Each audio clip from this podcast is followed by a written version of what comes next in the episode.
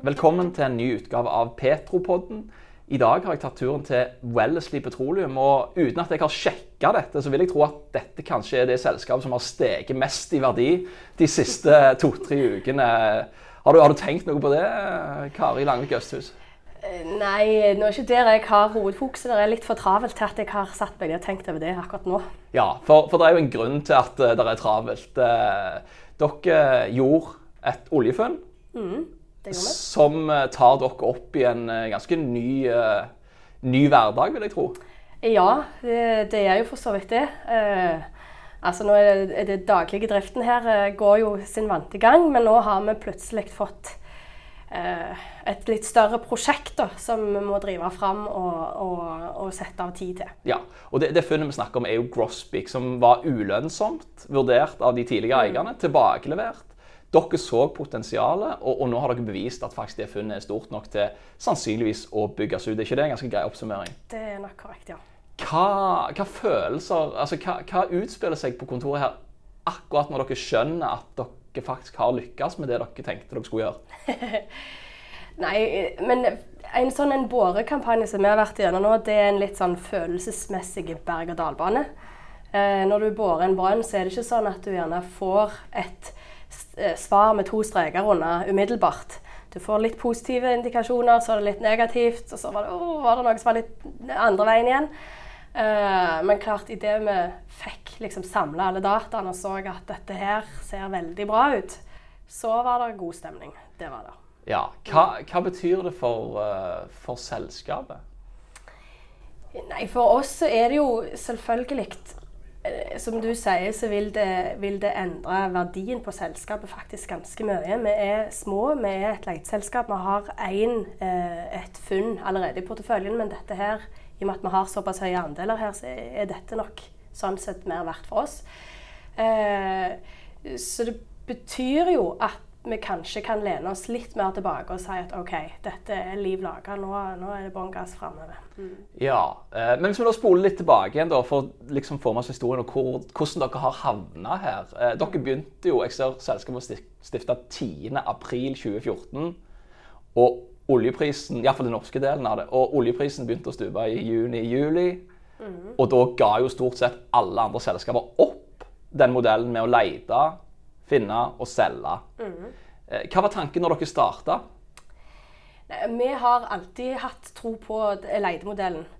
Eh, og grunnen til det er jo at nå ser vi jo en del utbyggingsprosjekter som er under utbygging nå, altså planlegges. Men hvis du ser litt lenger fram, hvis du ser fram til midten av 2020 ca., så vil det være et stort gap etter mer eh, aktivitet på sokkelen.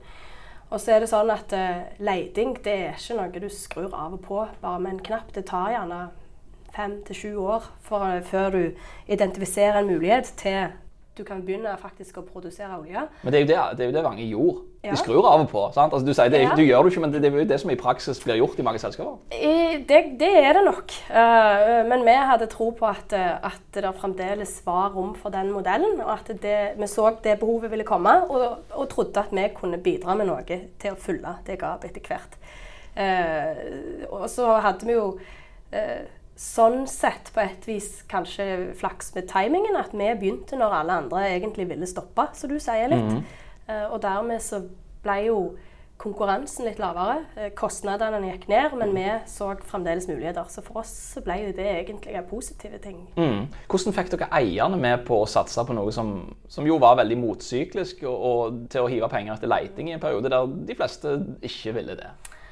Eierne våre har god kjennskap til norsk eh, oljeindustri generelt. De har vært eh, en del av de involvert f.eks. helt tilbake i Rebus-tiden og investerte der mm. eh, i andre fond. Eh, så de vet jo at dette her er sykliske ting. Eh, de kjenner til det. De hadde eh, et, og nå snakker vi om Blue Water Energy, som er sånn private equity-selskap mm. fra London. Sant? Stemmer det. Mm. stemmer det. og de de hadde tro på som oss at dette var en modell, og de hadde òg eh, muligheten til å gi oss den tida vi trengte. For som sagt så, så, må du ha litt tid på deg til mm. å få, få laga muligheter og bore ut en portefølje. Var dere på noe tidspunkt bekymra for at uh, den økonomiske og finansielle støtten som kom derifra, skulle liksom tørke ut? Og, og Nei, vi har ikke det. Det har vært full, full støtte fra dag én vi starta opp, så det har ikke vært et problem. Uh, så det har fungert greit. Mm. Uh, så vi har ikke noe å klage på der. men, men, så tenker jeg også at når de investerer såpass mye penger, så investerer de jo òg veldig mye i teamet. Tror på at akkurat disse folkene skal finne mm. olje. Og det er jo ikke heller tilfeldig. Eh, hvem, hvem, er det som utgjør kjernen i, i Wellesley Petroleum? Kan fortelle litt om det? Ja, altså Kjernen i Wellesley den går egentlig tilbake til eh, flere selskaper. Hvis du ser på de mest erfarne her, så var de faktisk sammen i Enterprise-dager i Enterprise. Eh, så ble en del av de med videre til Rebus. Eh, der kom jeg inn. Eh, før, eh, etter oppkjøpet med Wintercell, så gikk det videre til Agora Oil and Gas. Eh, og da det ble kjøpt av Cairn, så var det en ny runde da med, med Wellesley Petroleum. Ja. Så det er på en måte ja, basegruppen, kan du si, eh, mm. som starta Wellesley. Nå er det eh, for all del kommet inn nytt blod, mm. men det var liksom kjernen den mm. Og disse kjenner jo òg Grosbeak-funnet fra før, stemmer ikke det? De kjenner Grosbeak veldig godt. Grosbeak ble tildelt til Revus gjennom APA 2006, 2006. Eh, og da var det en del av teamet her som var med og jobbet det fram til et eh, prospekt og til boring, og fulgte faktisk òg eh, boringen eh, da i vintersal. Ja, og da ble det funn, som jo så veldig ganske ja. lovende ut den gangen òg. Ja, det gjorde det. Det var et eh, sånn sett godt funn. Eh, så borte Vintersal to appraisal-brønner i 2011. Den første der var òg positiv. Det ble mm. gjort en sånn formasjonstest, som vi sier. og ting så greit ut. Men så borte de en eh, brønn lenger nord på strukturen som kom inn i vann. Som vil si at du da kunne definere hvor du har det vi kaller olje-vann-kontakten. Eh, og gjorde at funnet, eller volumene ble mindre da kanskje enn det det først var forventa. Men det var jo et funn. Mm. Men hva, hva, hva, var det som gjorde at uh, dere og disse folkene så, så en forretningsmulighet i det da, fortsatt?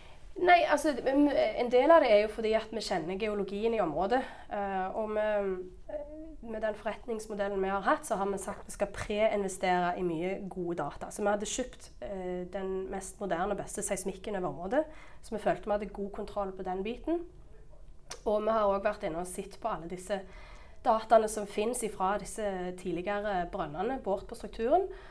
For det var to spørsmål som var litt sånn uh, uklare. Det var om du hadde reservoaret òg på vestlige siden, som er borte nå. Det var noe vi på en måte måtte gjøre oss opp en mening om. Nå må, du, nå må du, forklare dette sånn at en journalist forstår. det kan være litt utfordrende. Eh, kan det? Ja, ja. Jeg skal prøve. Nei, altså, du, du, vi fant, det reservoaret vi fant i, på Grosbeak på østsiden, eller det som Vintersvall fant, mm. der var det, var det litt spørsmål om om det strakk seg over til vestsiden. Um, som det må på en måte gjøre for at du skal kunne ha Eh, sjansen med å produsere dette, her, så må det være et sammenhengende godt reservoar.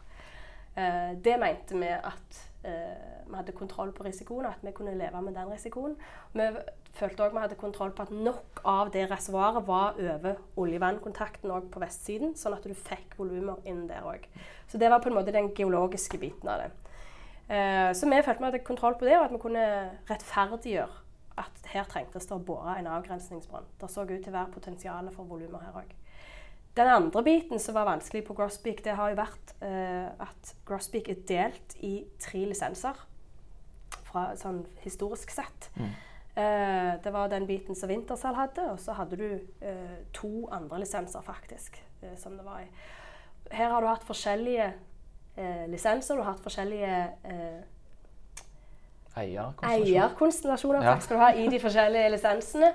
Sånn at, eh, og de har hatt forskjellig syn på prospektiviteten, da, selvfølgelig. Mm. Som har gjort at det var vanskelig å få noe framdrift, få noe aktivitet. Så vi så ganske fort at skal vi drive dette fram, så måtte vi faktisk inn og bli operatør i alle disse lisensene. Så at vi på en måte var i førersetet og kunne drive aktiviteten mm. der vi ville. Mm. Ja. Og nå sitter dere jo med fasit i hånd med et funn på hva er dere har anslått, mellom 50 og 120 millioner fat oljeekvivalenter pluss 7-12 milliarder standard kubikkmeter gass. Mm. Hva, altså, hvordan skal vi skjønne hvor mye det er? Kan du liksom prøve å sette det i perspektiv? Nei, jeg tror jo uh, at i år så vil det være uh, iallfall et av de aller største funnene som sånn sett har blitt gjort på norsk sokkel. Um, ja. Det er jo ingen Johan Sverdrup. det er det ikke. Men, men det er på størrelse med f.eks. Ja, det er vel litt større da enn Nova, eksempel, som ligger rett nord her. Uh, Ja, tidligere Skarfjell. Ja. Ja. Mm. Så, og det blir jo bygd ut per i dag, så vi, vi ser ingen grunn til at dette her ikke er et kommersielt funn. Nei, og det er jo det som er målet hele veien, å finne kommersielle funn. Det hjelper ikke å finne mye olje Nei. hvis du ikke klarer å kommersialisere det. Men, Det men ja, for, da, da er vi jo litt videre. Hva, hva skal dere gjøre med det? Ja, nå er det jo heldigvis sånn at vi som sagt sitter i førersetet i alle disse lisensene, så vi kan styre timingen og, og aktiviteten her nå. Så det aller først vil gjøre, det er jo å eh, sammenfatte alle de tekniske dataene vi har. Nå har vi fått inn masse nye data fra disse to brannene som vi må bruke tid på å evaluere og sette inn i Grosbeak-modellen, sånn at vi får oppdatert uh, den og eh, får et enda bedre grep om hva vi faktisk har. Så når vi har gjort det, så kan vi på en måte gå litt videre. Og neste år så må vi òg få til en sånn såkalt pre-unitization, heter det Ok, på engelsk. ja. Pre-unitiseringsarbeid. Der alle skal bli enige om hvordan de skal fordele og sånne ting? Er det det som Ja, du trenger ikke være eh, 100% enig om fordelingen, men iallfall sånn roughly. Så kan okay, du ja, ja. finjustere den etterpå. Men det er jo for at alle skal på en måte gå i samme retning Ja. etterpå. da. Ja. Eh, For, for alle skal ha sin andel av potten. For Mm. Hvem er det dere har med som partnere her? Ja, det er jo forskjellig, ja, er forskjellig. Ja, men- ja. Eh, men Kan nevne navn, trenger ikke ta prosentandel alle. eh, Der er Concedo inne, Petoro inne, Idemitsu er inne og Neptun er inne. Så det er de eh, fire som vi vil ha som partnere. Mm. Dere er jo òg ekstremt heldige med timingen i forhold til altså Nå er, går vi inn i en fase der de aller fleste oljeselskapene begynner å se etter vekst og nye volumer igjen etter mm. har stort sett bare spart og kutta i en periode.